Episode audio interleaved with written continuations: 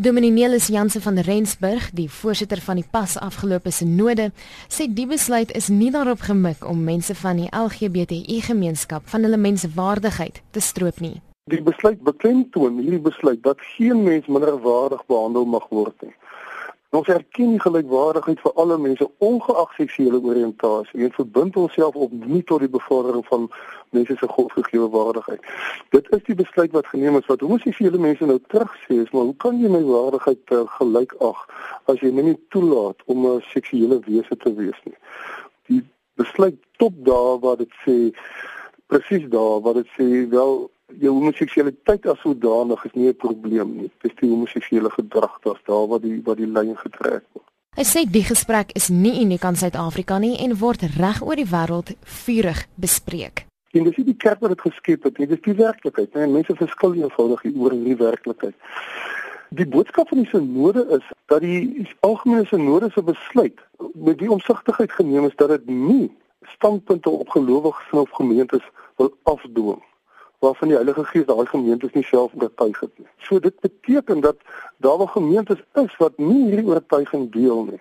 Daai gemeentes steeds daaroor moet nadink en hulle jy weet onderskeidend daaroor dink. Die werklikheid is dat in ons gemeentes word gay mense wonderlik hanteer, geakkommodeer. In die hele NG Kerk is daar nie een enkele tugsaak teen 'n persoon omdat hy of sy homoseksueel is of in 'n homoseksuele verhouding is nie. Intussen sê 'n vryskut joernalis en feminis Hanelie Boysen, die kerk is uitvoering met sy lidmate.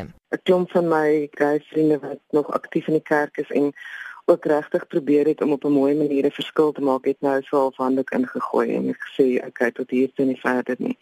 En dit is my regtig hartseer want ek dink die NG Kerk het toegegee aan 'n klomp verstokte ou ooms wat aandring op kerkreg en prosedure Ehm um, en dit is my so strydig met grondwetlike beginsels enerzijds maar ook hoe die gewone mense voel oor gay wees.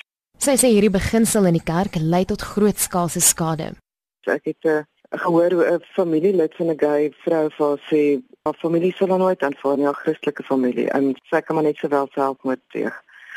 En so iets dit druk jou as jy besef wat die impak is op op mense se lewens en dis hoekom ek ook baie keer by hierdie soort geloofsbesetenheid verwys as ISIS light. Ek dink ons is vinnig om moslim mense te veroordeel vir hulle aardigheid teens gay mense. Jy daar soveel voorbeelde wat hulle gay mense onthoof of van torings afstoot.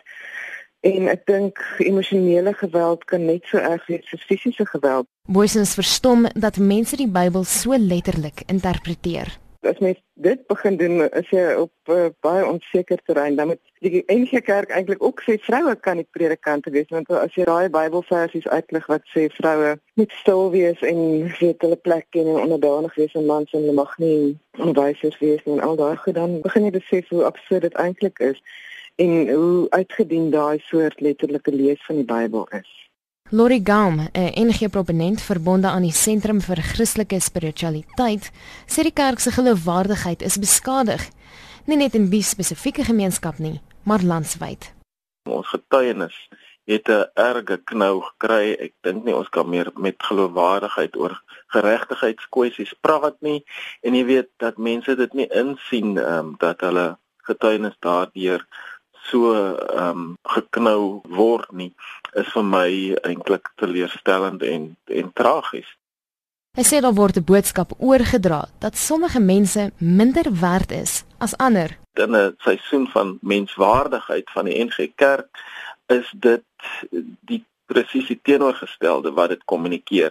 En jy weet as mense dan as minder as beskou word, dan kan jy ook hulle minder as behandel en dan kan jy minder as teen hulle optree en teenoor hulle praat jy weet dan kan jy taal gebruik wat afbreekend is ensovoorts omdat mense minderwaardig is eerder as wat hulle menswaardig is soos wat ons seisoen veronderstel is om te sê Gam het vroeër gesê dat hulle nou regstappe teen die kerk wil neem en dat hulle besig is om hulle opsies te oorweeg.